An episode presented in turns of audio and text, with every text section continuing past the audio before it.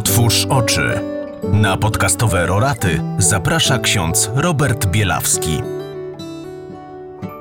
Szczęść Boże w ten sobotni dzień, podczas którego Słowo Boże ukazuje nam dwie postacie: Eliasza i Jana Chrzciciela. Czym się zajmowali? Czy chodzili z wielkim sznurem, związywali każdego człowieka i kazali mu wyznawać wiarę w Boga? Czy chodzili za Starym Testamentem i potępiali ludzi, którzy nie robili tak jak oni? Czy wynosili się ponad spotykane osoby, gardząc mniej doskonałymi? Wręcz odwrotnie. Oni byli zaprzeczeniem tych pytań.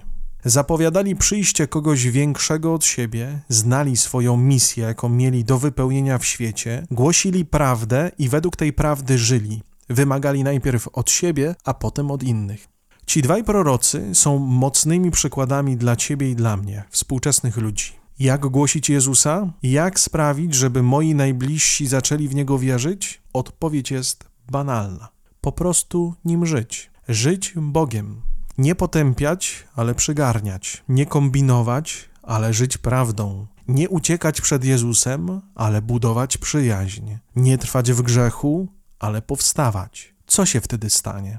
Wtedy będziesz jednym z nich, tym, który zapowiada przyjście Boga do serca człowieka, serca, które jest wolne, czyste i pełne pokoju. Będziesz w stanie pokazać swoje serce i zachęcić do tego, by serce Twojego syna, rodziców, kolegów, znajomych również takim się stało. Bo Adwent to czas oczekiwania nie tylko na narodzenie Pańskie ale również czas przygotowania się na drugie przyjście Chrystusa na końcu świata. Kiedy to będzie?